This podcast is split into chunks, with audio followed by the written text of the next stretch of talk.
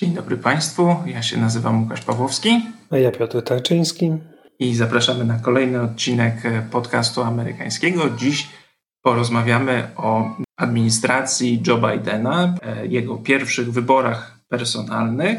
I do tego za moment przyjdziemy, ale zanim zaczniemy, chciałbym porozmawiać na chwilkę o prezydencie Trumpie. E, a, a mianowicie o, o takiej tezie, którą coraz częściej widzę w amerykańskich mediach i która nie zgadza się absolutnie z tym, co mówiliśmy w naszym podcaście, więc e, chciałem Piotra zapytać o zdanie.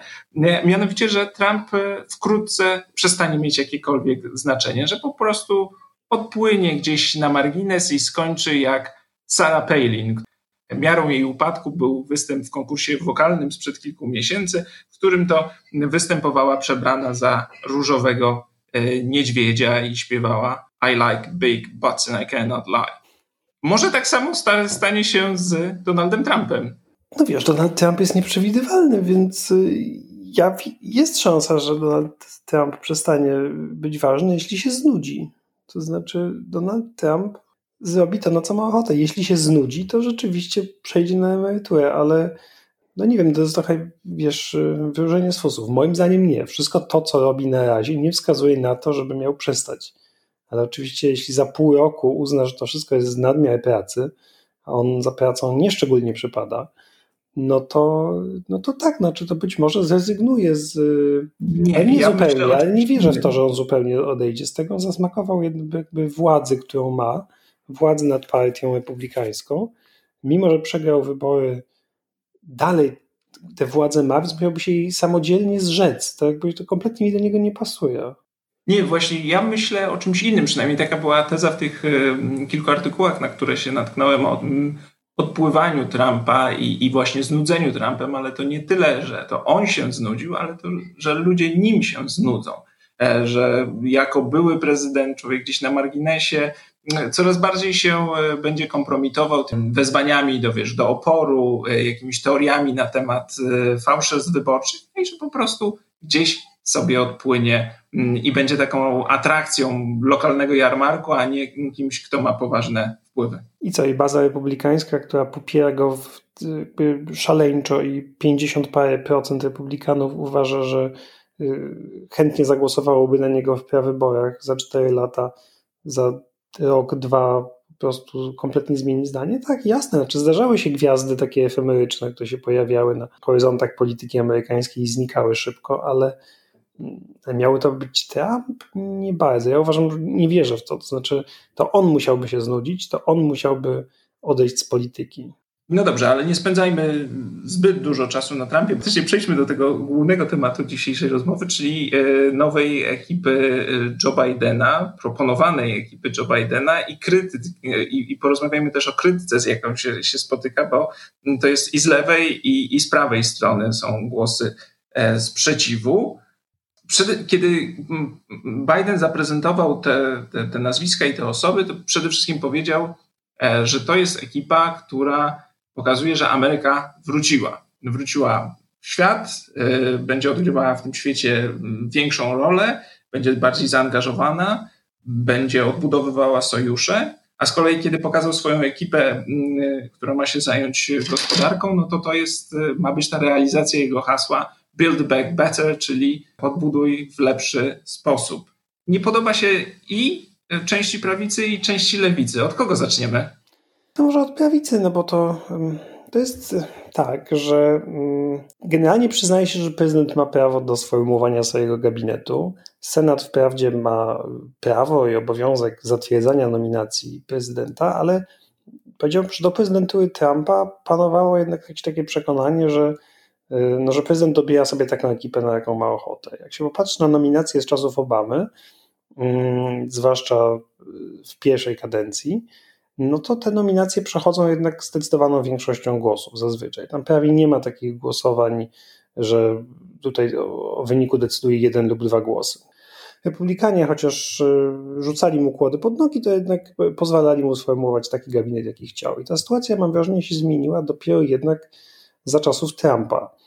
To znaczy, jak popatrzysz na nominacje z czasów Trumpa, kiedy on formułuje swój gabinet, to tam te y, głosowania w Senacie wyglądają już inaczej. Tam są już głosowania 51-49. Te nominacje przechodzą jednym głosem, dwie, dwoma głosami. No tak, ale y, trzeba przypomnieć, że w przypadku szczególnie pierwszej kadencji Obamy, tutaj opór republikanów też nie na wiele by się zdał przy tych nominacjach, bo Obama raczej mógł je przegłosowywać dość y, swobodnie swoją większością głosu, to znaczy większością Partii Demokratycznej. No tak, prawda? ale miałeś też republikanów głosujących na nominację Obamy do gabinetu. I to okay, mówimy jasne. o sytuacji, gdzie tam było 70 parę głosów, tak? W niektórych przypadkach 90 parę. U Trumpa tak naprawdę taka jedyna nominacja niekontrowersyjna to był e, generał Mattis na sekretarza obrony, gdzie prawie wszyscy się zgodzili, że, że to jest kompetentny kandydat.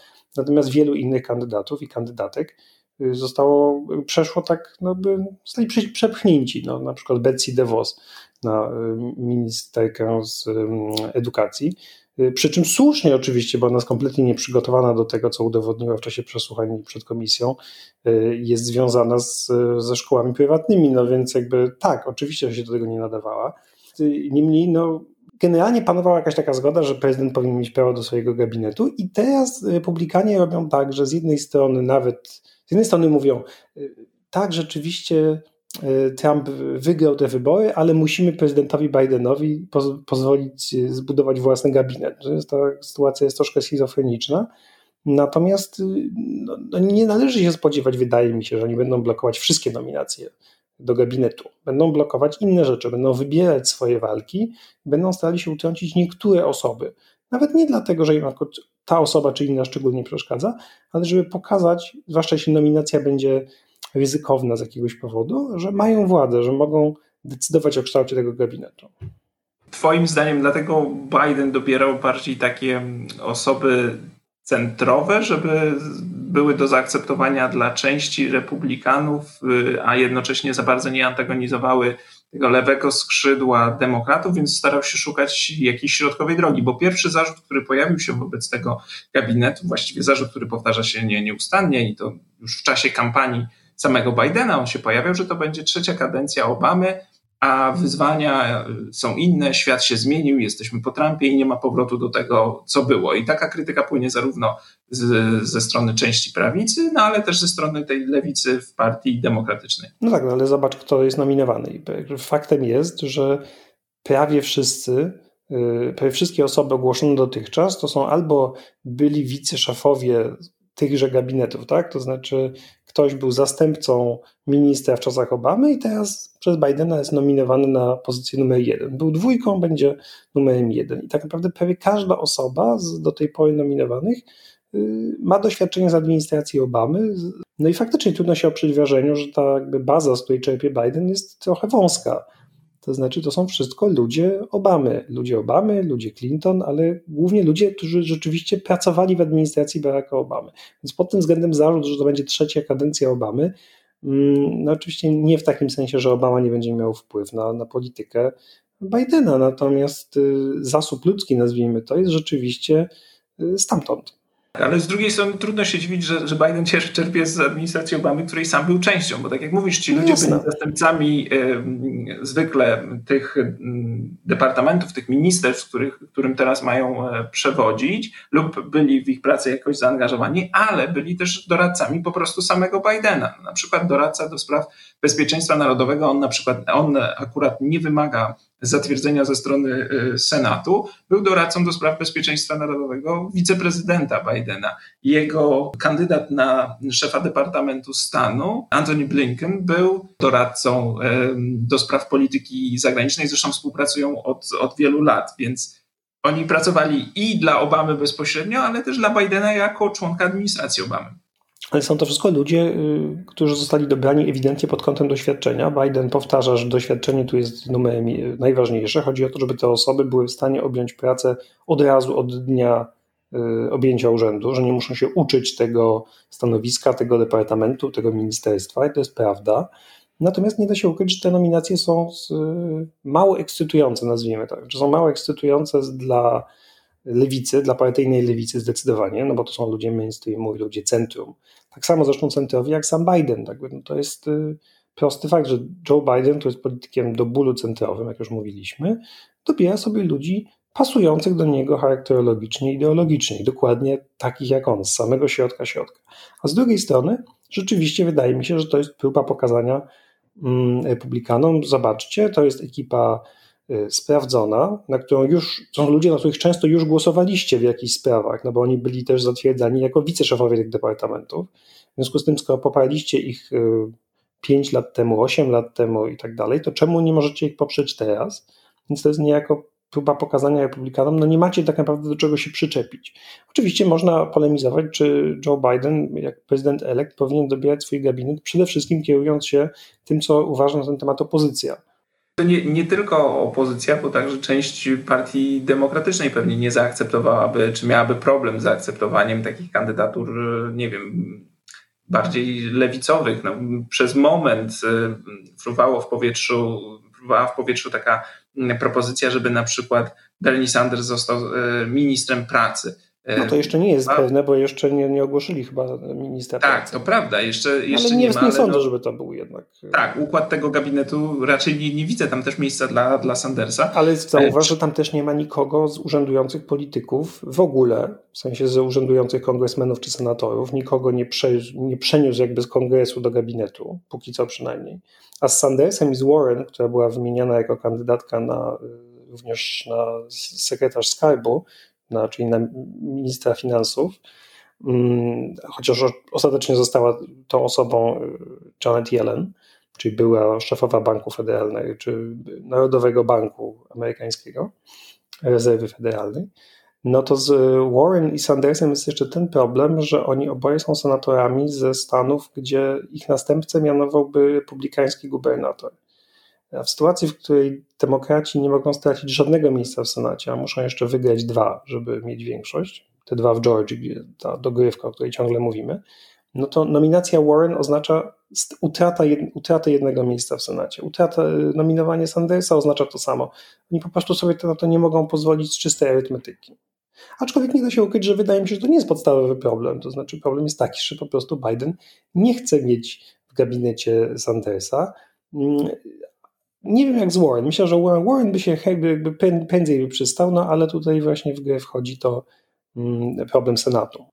Może powiedzmy kilka słów o tych nominacjach i co by oznaczało, mm, co, co właściwie oznacza ten zarzut, że to jest trzecia kadencja Obamy, bo Biden powtarza konsekwentnie, że przecież e, świat się zmienił, że po pierwsze jesteśmy po czterech latach e, prezydentury Trumpa, że Trump e, nie jest tylko taką jakimś błędem systemu, który można mm, zignorować i wrócić do tego, co było wcześniej. No tak trochę twierdził Biden przez długi czas, trochę miał Przez długi czas, to się zmieniło. Mam takie wrażenie, że to się zmieniło, przynajmniej jak słucham jego doradców do spraw polityki zagranicznej, no to tu jest to tu jest ciekawie, no bo z, z jednej strony faktycznie są to ludzie, którzy byli mm, albo e, Anthony Blinken był zastępcą e, mm, szefa Departamentu Stanu i był doradcą do spraw e, bezpieczeństwa Joe Bidena. I Jake Sullivan także był zaangażowany w, znaczy był członkiem administracji Obamy, ale nie ma takiego przekonania, że teraz wszystko wróci do normy. No na przykład Biden już e, w niedawnym wywiadzie dla New York Timesa powiedział, że na pewno nie zrezygnuje od razu z ceł, które Trump nałożył na Chiny. Że będzie najpierw budował swoją pozycję, próbował odbudować relacje z sojusznikami i dopiero później będzie angażował się w jakąś próbę deeskalacji tego, tych napięć e, z Chinami. Pojawia się też takie hasło, e, polityki zagranicznej dla klasy średniej, co brzmi absurdalnie. Foreign policy for the middle class. E, ale wychodzą z założenia, że ludzie nie dostrzegają specjalnych, czy wielu ludzi nie dostrzega zalet globalizacji, nie widzi, jaki ma interes w tym, że Amerykanie podpiszą kolejne porozumienie o wolnym handlu albo zaangażują się w jakiś konflikt zbrojny gdzieś na drugim końcu świata w związku z tym ta polityka zagraniczna ma być prowadzona tak, żeby ludzie mieli przekonanie, że jest prowadzona w ich imieniu i dla ich y, interesu.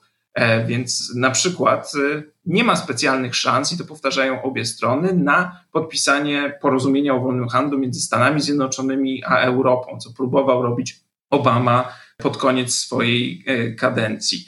A to nie są głupi ludzie. No, widzieli, co się dzieje przez e, ostatnie cztery lata. Wiedzą, że Trump jest e, tak samo przyczyną amerykańskich problemów, jak i objawem tych amerykańskich problemów. E, I taki powrót do naiwnego globalizmu czy takiego interwencjonizmu jest po prostu niemożliwy. Więc ja nie bardzo rozumiem ten zarzut, że to będzie kadencja, trzecia kadencja Obamy. Zresztą, to jeszcze ciekawa rzecz, ci ludzie, których Biden dobrał, mimo że współpracują z nim od wielu lat, nie zawsze się z nim zgadzali.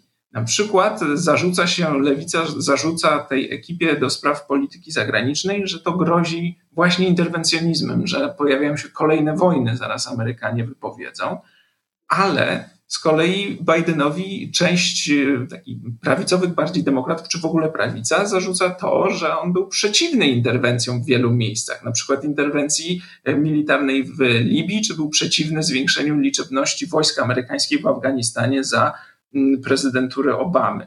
Czego z kolei zwolennikiem był jego przyszły e, szef Departamentu Stanu Antony Blinken. Może ty lepiej rozumiesz, na czym polega ten zarzut, że to jest trzecia kadencja Obamy. Owszem, ludzie są podobni, no ale chyba dostrzegają, że świat się trochę zmienił i w ich własnym interesie jest dostosowanie się do tej zmiany. Ja myślę, że właśnie y, chodzi przede wszystkim o, o zasoby ludzkie. To znaczy, że na tym się ludzie skupiają, a także umówmy się, Ciebie interesuje polityka zagraniczna, ale Amerykanów, jak pokazują badania, polityka zagraniczna interesuje znacznie mniej niż polityka wewnętrzna. I problem tutaj, kiedy się mówi trzecia kadencja Obamy, to ludzie nie mają na myśli tego, jak będzie wyglądała mm, dyplomacja amerykańska, tylko raczej polityka wewnętrzna. I chodzi o to, kogo Biden dobiera do swojej ekipy gospodarczej, yy, szeroko rozumianej, powiedzmy. I znowu, to są akurat poza Jelen, która była, jest dobrze znaną postacią, bo była nominowana przez Obamę na szefową y, banku centralnego, to są tam nowe nazwiska, to prawda, mm, ale, y, no ale nie są to ludzie progresywni za bardzo, znaczy z tego lewego skrzydła partii demokratycznej, to są ludzie związani z, y, z ekipą jeszcze Billa Clintona, ze sztabem Hillary Clinton, potem z administracją Obamy, jakby widać pewną chęć kontynuowania tej polityki gospodarczej. Oczywiście program Bidena jest znacznie bardziej postępowy, jak już wielokrotnie mówiliśmy. Pytanie, ile z tego dość postępowego programu zostanie zrealizowane przez nową ekipę. I teraz pytanie, na ile to w ogóle zależy od nowej ekipy, a na ile od y, sytuacji w Senacie właśnie, tak? Znaczy na ile republikanie pozwolą tejże ekipie Bidena zrealizować postulaty jego programowe, czy nie skończy się na tym, że oni powiedzą, no tak, no tu się nie da, bo republikanie nas blokują, więc musimy robić zasadniczo to, co robiliśmy wcześniej. I rzeczywiście będziemy mieli trzecią kadencję Obamy, to znaczy takie z jednej strony próby dogadywania się z, z republikanami, które, jak już mówiliśmy, są skazane na niepowodzenie, bo ani ty, ani ja nie wierzymy w to, że dogadywanie się z republikanami ma jakikolwiek sens, mm, bo, no bo oni raczej nie mają interesu w tym, żeby Bidenowi cokolwiek się udało. Mm, nie wiem, jakby są też, y, mam wrażenie, konflikty po prostu osobiste, które tam wchodzą w grę. To znaczy są y, progresywne skrzydło y, Partii Demokratycznej, lewicowi demokraci, zwłaszcza zwolennicy Sandersa, po prostu nie lubią niektórych postaci, z, które nominował Biden.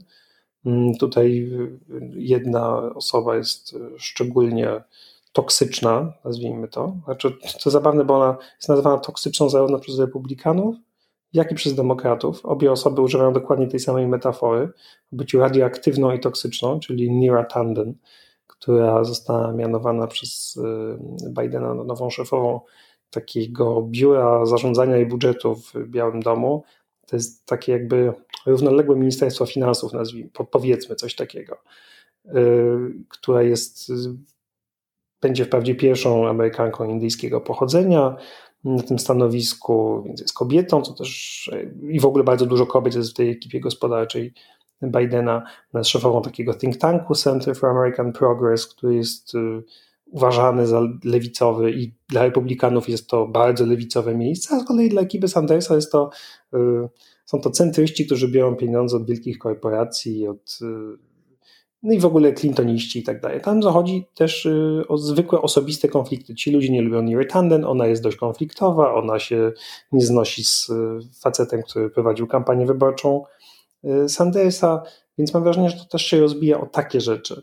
zupełnie no, banalny względ, tak, no bo to jednak umówmy się, no to nie jest jednak najważniejsze, kto kogo nie lubi, kto komu coś niemiłego na Twitterze pisał.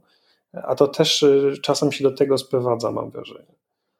No tak, ale wiesz, jeżeli zarzutem zasadniczym miałoby być to, że ktoś jest niemiły na Twitterze, no to, to, to dyskwalifikowałoby właściwie całą ekipę mm, Donalda Trumpa, przynajmniej znaczną jej część. E, e, tu bardziej rzeczywiście chodzi o te, o te powiązania z Clinton i, i, są też takie podejrzenia, że te niektóre nominacje, między innymi ta, o której wspomniałeś, są wystawione po to, żeby republikanie mogli kogoś odrzucić i, na, i nie skupiali się na tych innych nominacjach, na których Bidenowi bardziej zależy. Żeby Oczywiście, sobie mogli kogoś odrzucić na samej zasady pokazania, że kogoś mogą uwalić. Tak jest. I oczywiście można stawiać takie zarzuty Bidenowi, e, że wszystko będzie tak samo e, i, i, nic się nie da zrobić. I takie zarzuty z lewej strony się pojawiają, ale no, moim zdaniem to nie leży w interesie tych ludzi, takim fundamentalnym. Już kiedyś o tym wspominaliśmy, że jeżeli oni w ciągu e, krótkiego czasu po objęciu prezydentury przez Bidena nie pokażą, że są siłą sprawczą i rzeczywiście mogą coś osiągnąć, w jakiś sposób poprawić e, życie ludzi, no to za dwa lata m, polegną w, w wyborach e, do, do kongresu i wtedy stracą już kompletnie jakąkolwiek możliwość i, y, działania i Biden prawdopodobnie będzie prezydentem jednej kadencji, co może jeszcze dla niego nie będzie takim problemem, ale po prostu demokraci będą mieli prezydenta jednej kadencji, bo, bo, bo przegrają walkę o jakąkolwiek, o reelekcję, czy to Biden, czy jego następca. W związku z tym mi się po prostu wydaje, że jeżeli ktoś uważa, że demokraci, nie wiem, nie widzieli tych ostatnich czterech lat i będą próbowali wrócić do tego, co było wcześniej, no to musimy mieć za strasznych idiotów, bo to widać na każdym kroku, że nie ma powrotu do tego, co było i potrzebne są jakieś fundamentalne reformy. No wiesz, na Florydzie, stanie republikańskim, ludzie przegłosowali 15-dolarową stawkę minimalną e, godzinową. To widać, że też Amerykanie przesunęli się trochę bardziej w wielu takich sprawach e, socjalnych, czy w sprawach też polityki zagranicznej i demokraci będą musieli to y, odzwierciedlać. A ja mam takie wrażenie, że lewica Partii Demokratycznej zamiast próbować zdyskontować swój sukces, jakim jest niewątpliwie przesunięcie partii na lewo, e, jest niezadowolona z tego, że ci centryści przyjęli jej postulaty i domaga się czegoś więcej. To, to wydaje mi się, że to jest kwestia mm, błędnej taktyki, którą e, lewica obiera, bo mogłaby właśnie w tej chwili skorzystać, pokazując, Zobaczcie postulaty, które kilka lat temu wydawały wam się radykalne, teraz są częścią mainstreamu i to dowodzi naszej racji, a oni zamiast skoncentrować się właśnie na tym, próbują osiągnąć e, jeszcze więcej. Więc nie sądzę, żeby to było dobre rozwiązanie. Poza tym, wiesz, no, czy tak naprawdę różnice między Clintonistami, nazwijmy tak ogólnie, i Niron Tanden na przykład, a ludźmi Sandersa są aż tak mówię o polityce, o podejściu, o programowe różnice są aż tak kolosalne, że Nira Tanden dla, dla, dla zwolenników Sandersa jest największym wrogiem, a nie republikanie. To znaczy, to mnie zdumiewa, że tak naprawdę, umówmy się, oni mają więcej ze sobą wspólnego, jeśli chodzi o politykę, niż z, z republikanami, nawet z tymi umiarkowanymi republikanami, a równocześnie największym wrogiem mam wrażenie, jak czytam na przykład Jacobin, czyli takie sztandarowe pisma amerykańskiej lewicy, to są właśnie ci znienawidzeni liberałowie z, w znaczeniu amerykańskim, liberałowie od Bidena, a nie republikanie. To znaczy, republikanie są źli, wszyscy to wiemy, ale najgorsi są ci y, centrowi demokraci. To jest jakby zdumiewające, bo to są ci sami ludzie, którzy jednocześnie mówią, tak, bo winą demokratów jest to, że się nie zanadto próbujemy dogadać z tą drugą stroną, nie doceniamy, nie rozumiemy tego interioru Amerykanów, tych milionów głosujących na Trumpa, musimy zrozumieć białych mężczyzn z klasy robotniczej y, i z którymi pewnie w polityce się nie zgadzają w wielu sprawach też, ale musimy ich zrozumieć, natomiast innych demokratów, o nie, tych nie musimy rozumieć, tych musimy zwalczać. No to nie jest polityka, którą ja, z którą ja się zgadzam oczywiście. Natomiast nie jest tak, że nie widzę sensownych zarzutów ze strony lewicy wobec ekipy Bidena. To, za, to, to, to, zaraz, bo ja chciałem, bo Biden na te zarzuty w jakiś sposób odpowiada. Wspomniałem o tym, że nie chce wchodzić w żadne nowe porozumienia o wolnym handlu, wie, że na to teraz nie ma mm, nie, ma, nie będzie na to zgody, jakby odzwierciedla te wyzwania lewicy, choćby te dotyczące zrozumienia ludzi głosujących na Trumpa. Tu fragment. Chcę się upewnić, że po pierwsze będziemy inwestować, inwestować jak diabli w, Stany Zjednoczone, w Amerykę. I wymienił innymi sektory energetyczny, biotechnologiczny, e, sztuczna inteligencja e, i powiedział, nie wejdę w żaden nowy układ o wolnym handlu, dopóki nie dokonamy inwestycji w domu dla nas i dla naszych pracowników. Mówi o tych ludziach z, z tego amerykańskiego interioru. I think they just feel forgotten. I think we forgot them. E, musimy się na nich skoncentrować, zapomnieliśmy o nich, musimy do nich wyciągnąć rękę. To wszystko jest w tej e, retoryce Bidena i część tych nominacji gospodarczych, e, na przykład Janet Yellen, ona także o tym mówi, to znaczy o tworzeniu lepszych miejsc pracy, o podnoszeniu płacy minimalnej. Te, te, wszystkie postulaty lewicy, które rzeczywiście kilka lat temu wydawały się radykalne, inwestycje w zieloną energię, to wszystko tam jest. Więc nie bardzo rozumiem, dlaczego przynajmniej nie dać szansy, tylko od razu z miejsca krytykować, bo oczywiście może być tak, że to wszystko utknie gdzieś, czy to z winy republikanów, czy to z winy e, ludzi, których Biden dobrał i którzy po prostu okażą się nie, niedostatecznie sprawczy. Zgoda. Ale jeżeli chodzi, w tej chwili możemy sądzić Bidena po jego słowach, po tym, co mówią jego e, doradcy i co planują zrobić. No więc te postulaty, na które lewicy amerykańskiej zależy które są moim zdaniem bardzo słuszne, tam są. No tak, tylko że ty mówisz, że możemy sądzić Bidena tylko po tym, co y, po jego zapowiedziach, ale lewica ci na to powie, nie, możemy sądzić po tym, co ci ludzie robili wcześniej. I dlatego, że 5, 7, 8 lat temu oni mówili co innego i na przykład w 2010 roku byli gotowi dogadywać się z republikanami w sprawie cięć w, w wydatkach socjalnych. Co tak naprawdę, ja się za bardzo na tym nie znam na gospodarce, ale z tego co doczytałem, to nie do końca tak było. To znaczy, prawda jest trochę bardziej skomplikowana. Chodziło o zmianę sposobu indeksowania wydatków socjalnych i zmniejszyłoby ich. Y, chodziło o to, że wtedy nieco zwolniłoby tempo ich y, dostosowywania się do indeksu cen. No to jest trochę bardziej skomplikowane, ale co mówiła Nira Tanden 10 lat temu, to naprawdę mało kogo interesuje w Polsce, z naszych słuchaczy na pewno, ale nawet w Stanach mało kogo to interesuje, co kto komu powiedział nieprzyjemnego wiele lat temu. I rzeczywiście ja uważam, że trzeba się skupić na tym, co ta ekipa y, zdoła zrobić, jeśli w ogóle coś zdoła, no bo to kolejny zarzut lewicy jest taki, że oni tak naprawdę nic nie chcą zrobić.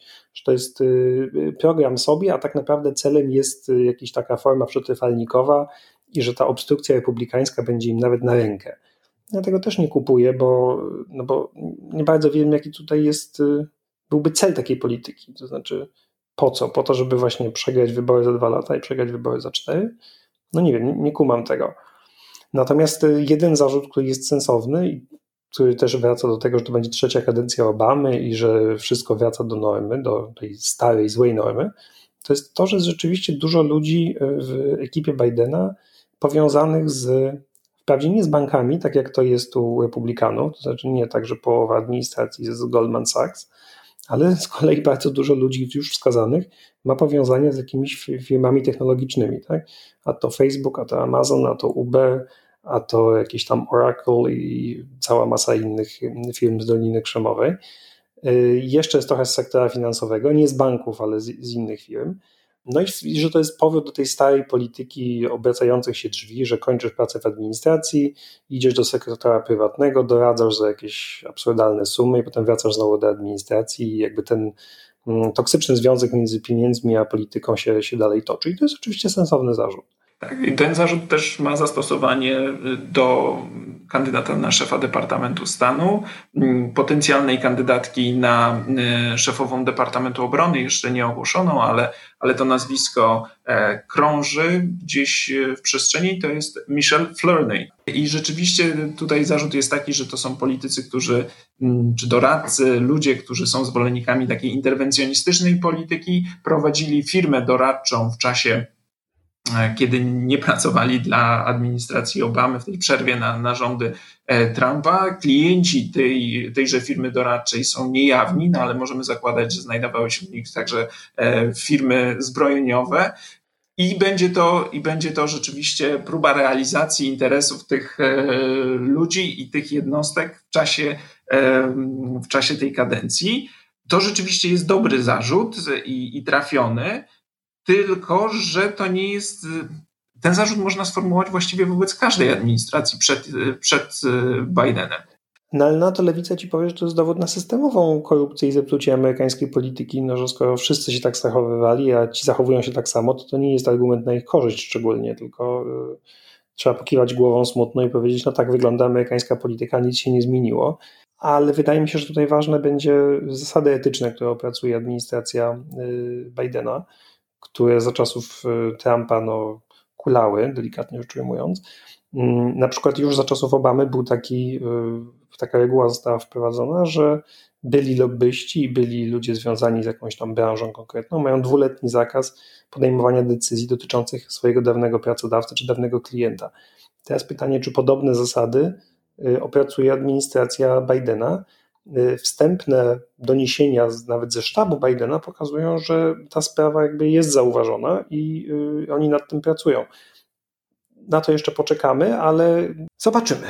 Chciałem tylko zwrócić uwagę, że doradca do spraw polityki zagranicznej mm, samego Berniego Sandersa, Matt Duss, kiedy e, okazało się, że Tony Blinken będzie, dorad- będzie kandydatem na szefa Departamentu Stanu, napisał na Twitterze tak, e, to dobry wybór, e, Tony ma zaufanie prezydenta elekta, wiedzę i doświadczenie, E, potrzebne w tej ważnej pracy polegającej na odbudowywaniu amerykańskiej dyplomacji. No więc przynajmniej te wstępne reakcje ze strony środowiska Sandersa, właściwie jego głównego doradcy do spraw polityki zagranicznej, no wskazują na to, że jakieś porozumienie jest, jest możliwe. No zobaczymy oczywiście, tylko chciałem to zaznaczyć, że nie było tak, że z tej lewej strony poszło, poszło jednoznaczne potępienie. Nie, z lewej e, strony właściwie potępienie, z lewej strony zasadniczo w ogóle nie ma jakiejś ofensywy przeciwko administracji Bidena, są tylko jakieś takie gniewne pomyłki na niektóre osoby, przede wszystkim na tę nieszczęsną Near Tanden, o której mówiliśmy, ale już na przykład nominacja Jelen wzbudziła może nie entuzjazm, ale jakby pozytywne reakcje zarówno Elizabeth Warren, jak i Berniego Sandersa, inne nominacje także. Pytanie, czy to nie jest trochę robienie dobrej miny do, do złej gry, to znaczy, że lewica partyjna lewica demokratyczna trochę cieszy się na pokaz na tę nominację, y, trochę też czekając na coś konkretnego. No bo rzeczywiście trzeba powiedzieć, że do tej pory w tych ogłoszonych nominacjach mm, brakuje jakichś takich osób zdecydowanie kojarzonych z lewicą. Nie mówię, że chodzi, już nie, mów, nie mówimy o Sandersie i o Warren, bo już te kandydatury omówiliśmy, dlaczego one są mało prawdopodobne, ale rzeczywiście z punktu widzenia Bidena uważam, że przydałby się tam w tym gabinecie ktoś jednoznacznie lewicowy czy jednoznacznie mhm. kojarzony z progresywnym skrzydłem. Jeżeli już mówimy o krytyce ze strony lewicowej, to adresatem tej krytyki jest e, Barack Obama, który ma taki tournée po Stanach Zjednoczonych, daje mnóstwo wywiadów na temat swojej książki. W jednym z ostatnich wywiadów wspomniał, czy powiedział, że hasło, o którym już tutaj w podcaście wspominaliśmy, czyli hasło Defund the Police, e, jest czymś, co, co demokratom mogło zaszkodzić. I oczywiście odezwały się głosy ze strony tego lewicowego skrzydła, mówiące tyle, że to jest hasło, które dziś wydaje się radykalne, ale będzie tak jak z hasłami, nie wiem, podniesienia pensji minimalnej godzinowej, czy z hasłami ochrony klimatu, e, czy z hasłami E, czy nawet z nazwą ruchu Black Lives Matter, które jeszcze kilka lat temu wydawały się radykalne, a dziś są z takim sztandarowym elementem, czy gdyby centrowym elementem e, polityki partii demokratycznej, że Obama się po prostu myli. Ale warto też dodać, że w tym samym wywiadzie Obama mówił, e, że centrala partii demokratycznej powinna dawać więcej przestrzeni i więcej głosu E, takim osobom jak Aleksandra Ocasio-Cortez, czyli no, takim osobom reprezentującym właśnie to lewicowe skrzydło i reprezentującym nowe pokolenie w amerykańskiej polityce. Obama jest rzeczywiście takim politykiem, który jest irytująco też niekiedy centrowy i on zawsze powtarza, że lepiej zrobić pół kroku do przodu niż głosić jakieś y, bardzo progresywne hasła, które nie kończą się żadnym postępem, bo po prostu nie ma do tego wystarczającego poparcia. I to jest irytujące dla lewicy, no ale on konsekwentnie powtarza, że lepiej zrobić coś, nawet jeżeli to nie w pełni realizuje nasze ambicje, niż nie zrobić nic i ciągle głosić te swoje poglądy, e, ale bezskutecznie. No to mówi z perspektywy człowieka doświadczonego, to znaczy po prostu wie, jak to wyglądało przez 8 lat jego prezydentury. E, jego, mam wrażenie, że on się w ogóle trochę scentrowił przez te coraz bardziej po tych ośmiu latach prezydentury i czterech latach w, jako nieformalny lider opozycji. Mm, no bo po prostu ma swoje przejścia z republikanami i dlatego też mówi teraz to, co mówi, tak? To znaczy, że trzeba iść drogą środka, ale nowego środka, tak? To znaczy nie tego środka, który był centrum za jego pierwszej kadencji czy wcześniej, tylko to, jak Partia Demokratyczna przesunęła się na lewo za sprawą Sandersa, Warren, Ocasio-Cortez między innymi, ale w ogóle no jakby no jest rzeczywiście bardziej w lewo niż kiedyś była y, i to jest to nowe centrum i ono powinno być ich, ich szlakiem, ich drogą do wygranej. Moim zdaniem tutaj jeszcze wiele zależy od tego, w jaki sposób sprzedaje się te e, propozycje rozwiązań politycznych. Wydaje mi się, że akurat tutaj ten pomysł Bidena, żeby pokazywać inwestycje w Zielony Ład, czy inwestycje w taką ochronę pracowniczą, czy inwestycje w opiekę nad e, dziećmi, która pozwoli ludziom wrócić do pracy, on przedstawia to jako element odbudowywania amerykańskiej gospodarki i budowania takiej e, znowu potęgi gospodarczej Stanów Zjednoczonych w świecie, trochę jeżeli można tak powiedzieć, pod hasłami America First. To znaczy, my inwestujemy w te zabezpieczenia socjalne po to, żebyście mogli pracować, po to, żebyśmy mogli budować gospodarkę nowoczesną, po to, żebyśmy mogli rywalizować z innymi państwami na świecie i tak dalej, i tak dalej. Wydaje mi się, że to jest lepszy sposób trafiania do tych y, prawicowych czy centroprawicowych wyborców niż opowiadanie na przykład o ochronie klimatu i argumentowanie, że musimy to zrobić, bo topnieją lodowce. To po prostu do części wyborców e, nie trafia. I mam nadzieję, że Bidenowi uda się to zrealizować, bo jeżeli zdecyduje ostatecznie, że tego robić nie będzie, no to rzeczywiście będzie to katastrofa i Partia Demokratyczna, wydaje mi się, będzie mogła się pożegnać z nadziejami na sprawowanie władzy. Ale Tylko, że na razie, na razie tak naprawdę nie chodzi już o docieranie do wyborców. To znaczy chwilowo jesteśmy w tym krótkim okresie amerykańskiej polityki, bardzo krótkim, tuż po wyborach, kiedy nie trzeba zabiegać o wyborców. W Stanach wybory toczą się cały czas, jak wiemy, no bo wybory do kongresu, do Izby Reprezentantów są co dwa lata, więc ta kampania wyborcza tak naprawdę toczy się już, już wcześniej i już później.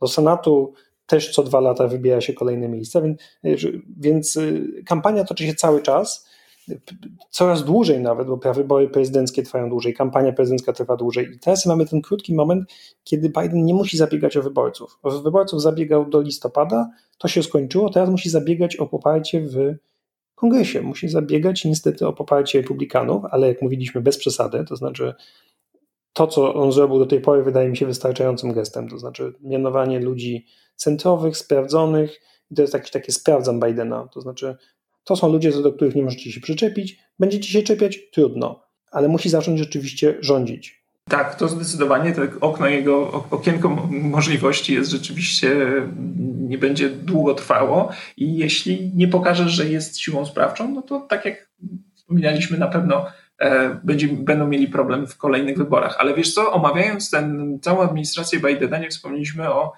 wiceprezydentce, wobec której sformułowano dokładnie takie same zarzuty, jak wobec tych nowych y, osób, które Biden nominował teraz. To znaczy, że to jest z pozoru ktoś progresywny, który jednak y, jest takim centrum, ale chyba z przechyleniem mocno na prawą stronę. I chociaż na przykład Kamala Harris y, reprezentuje mniejszości, jest pierwszą kobietą na tym stanowisku, jest pierwszą ciemnoskórą kobietą, jest pierwszą kobietą pochodzenia azjatyckiego i tak dalej, i tak dalej. I w swojej karierze w wielu miejscach była pierwszą e, osobą o takim pochodzeniu, to, e, to tak naprawdę jest człowiekiem, który będzie realizował interesy e, takiej no, centroprawicy, jeśli po prostu nie prawicy. Wyciąga jej się bardzo dużo rzeczy kontrowersyjnych z czasów jej kariery jako prokurator okręgowy czy prokurator generalnej stanu e, Kalifornia. Zauważ, że e, z jednej strony jest przez republikanów przedstawiana jako najbardziej lewicowa senatorka w Senacie.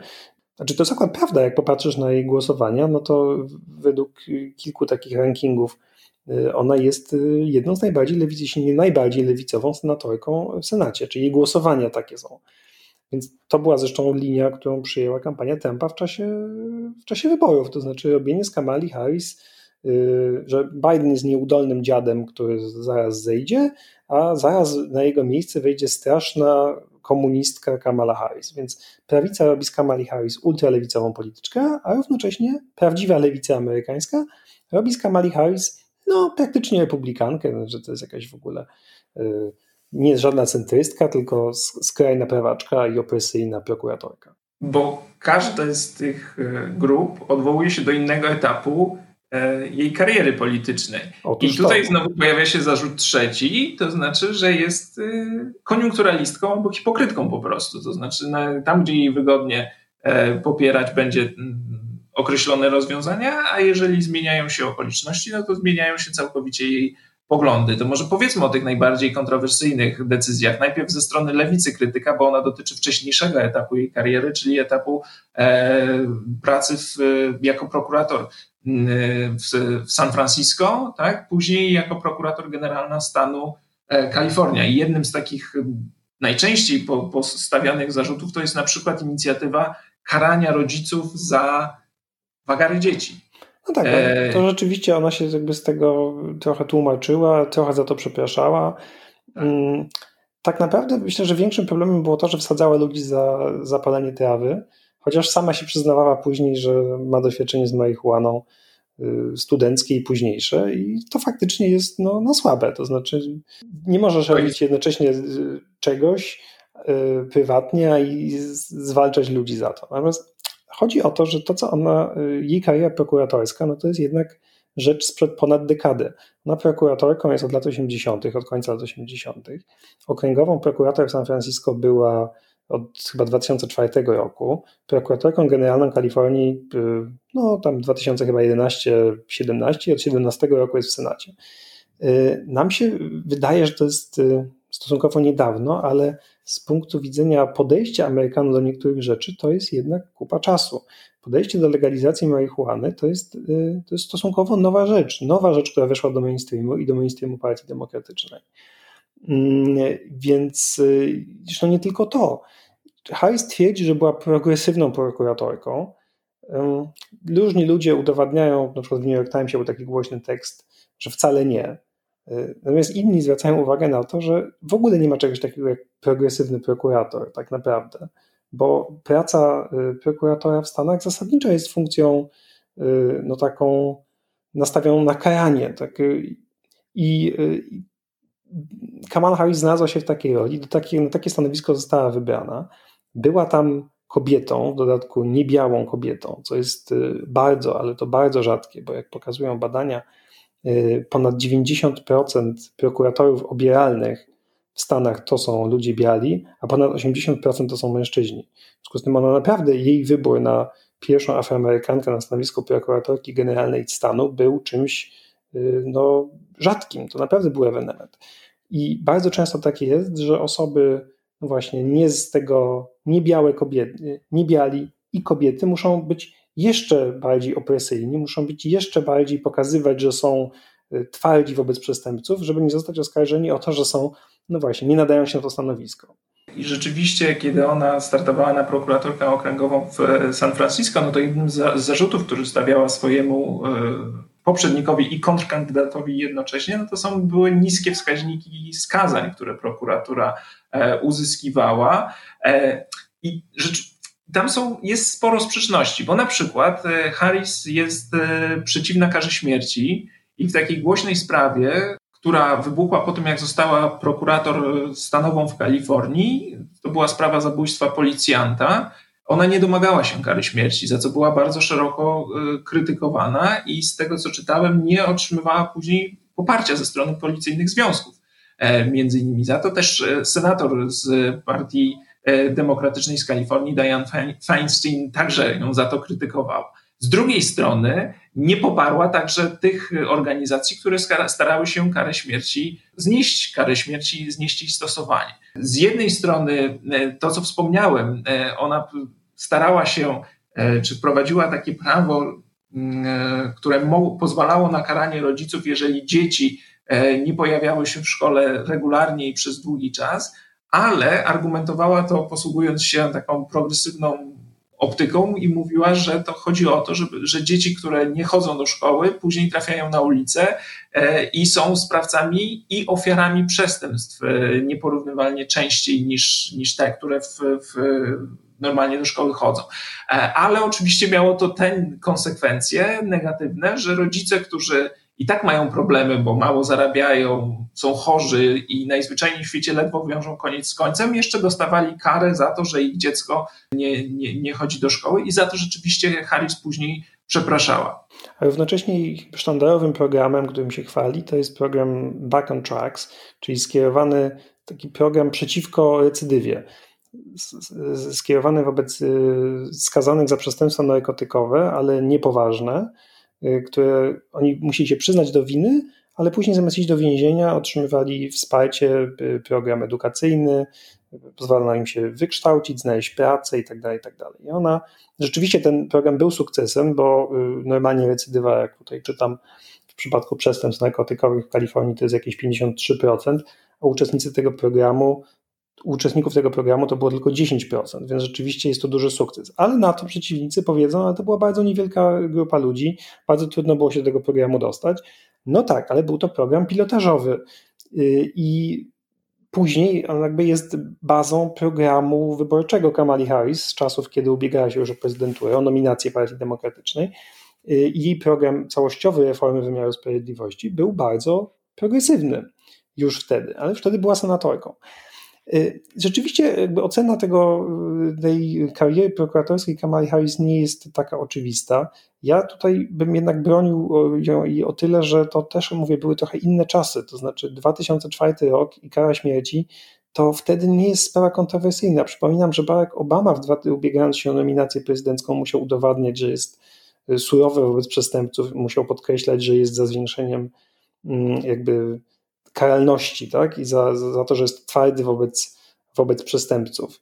Z drugiej strony Kamala Harris na przykład, to Kalifornia jest takim stanem, o którym Państwo na pewno słyszeli, o prawie trzech uderzeń, tak? To znaczy, że jak człowiek... I ona była za utrzymaniem tego prawa. To, to jest znaczy, nie, tak... nie przyłączyła się do kampanii, która zmierzała do jego zniesienia nie przyłączyła się, ale też nie, ale też nie sprzeciwiała się tej reformie. Znaczy powiedziała, że zachowuje neutralność jako y, biuro prokuratora y, generalnego. Ale chodzi o to, że Kalifornia, która jest stanem, uważamy za stan liberalny, bo jest stanem rzeczywiście demokratycznym, jeśli chodzi o karanie przestępców, jest stanem dość rygorystycznym, jeśli nie bardzo rygorystycznym. Znaczy, wiecie Państwo, że pójście do więzienia na 25 lat za trzecie przestępstwo jakiekolwiek, nawet jeśli nie jest to żadna zbrodnia, żadne morderstwo. W związku z tym są ludzie, którzy siedzą w więzieniu, bo trzecim przestępstwem, które dokonali, była jakaś drobna kradzież.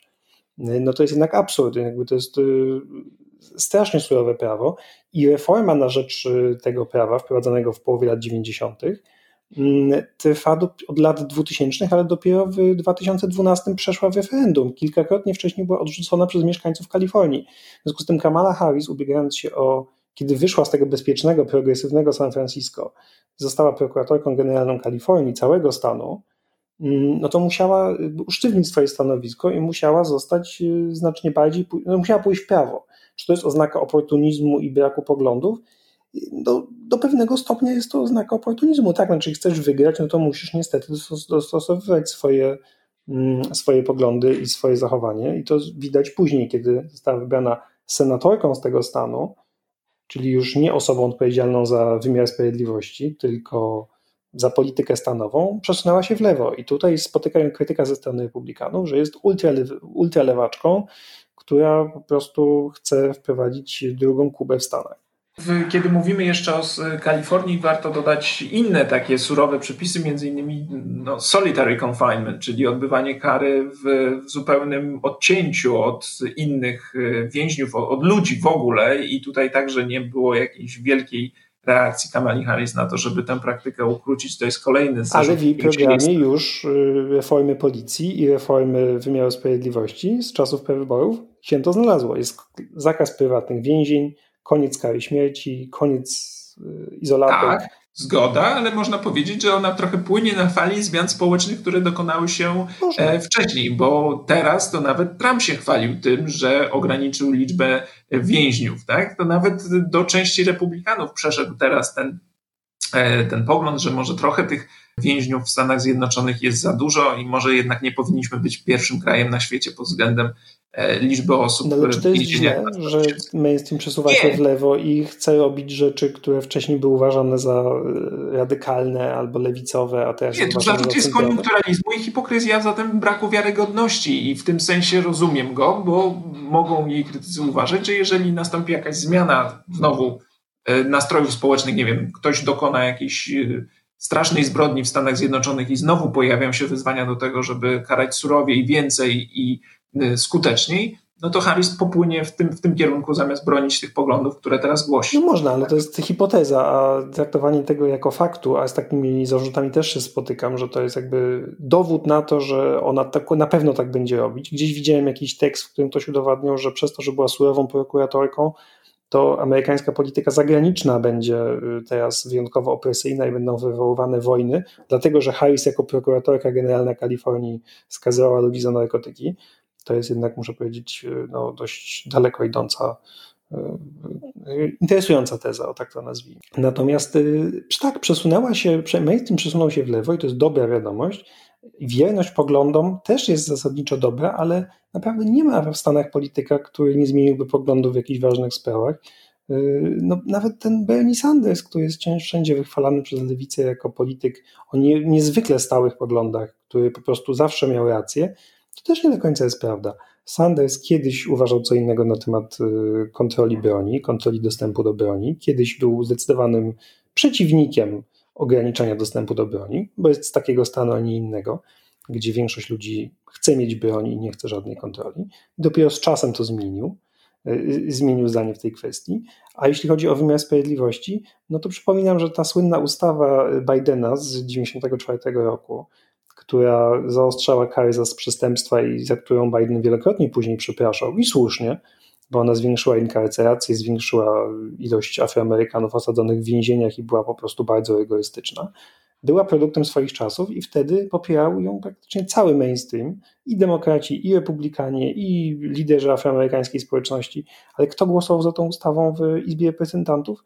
Kongresman z Vermont Bernie Sanders. Y, no więc jakoś od, Biden, od Sandersa nikt nie domaga się przeprosin za tamten głos zmienił poglądy i bardzo dobrze. Zmieniał poglądy znacznie rzadziej niż inni politycy, to też jest prawda, ale nie jest tak, że, y, istnieje jakiś polityk w Stanach, który jest y, nieskazitelnie czysty i nigdy nie zrobił niczego niewłaściwego, nie głosował za tym, za czym nie powinien był głosować, nie zmienił poglądów. Y, a jak się ma taką karierę jak Biden, ten 40 lat w polityce, no to tak, no to, to rzeczywiście ma się więcej na sumieniu. Ale to damy im szansę. Y, no tak, poczekajmy jeszcze, zanim zaczniemy krytykować bardziej albo chwalić. A na dzisiaj dziękujemy i zapraszamy serdecznie Państwa w przyszłym tygodniu na kolejny odcinek podcastu amerykańskiego. Dziękujemy bardzo i do usłyszenia w następną sobotę. Do usłyszenia.